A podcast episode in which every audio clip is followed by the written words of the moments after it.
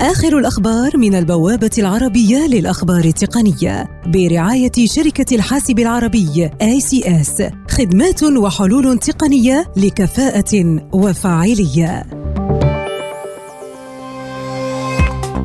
موقع ذا فيرج يقول إن شركة جوجل تعتزم إطلاق حواسب محمولة ولوحية جديدة من سلسلتي بيكسل بوك وبيكسل سليت وذلك بخلاف ما نشر في السابق.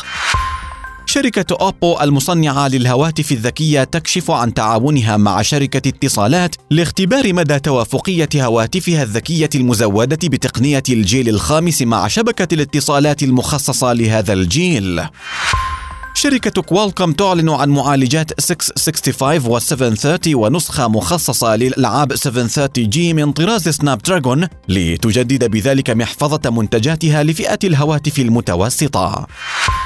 فيسبوك تعلن عن بعض التغييرات في تعاملها مع الحسابات التذكارية للأشخاص الذين ماتوا وذلك عبر إضافة قسم جديد إلى تلك الصفحات لإظهار الامتنان والاحترام بهدف متابعة نشر ذكريات أحبائهم على صفحاتهم. فيسبوك ترسم بتقنية الذكاء الاصطناعي خرائط كثافة سكانية جديدة مفصلة تغطي غالبية قارة إفريقيا، مما يساعد وكالات الإغاثة في معرفة الأماكن التي ينبغي عليهم الذهاب إليها من أجل تقديم المساعدات.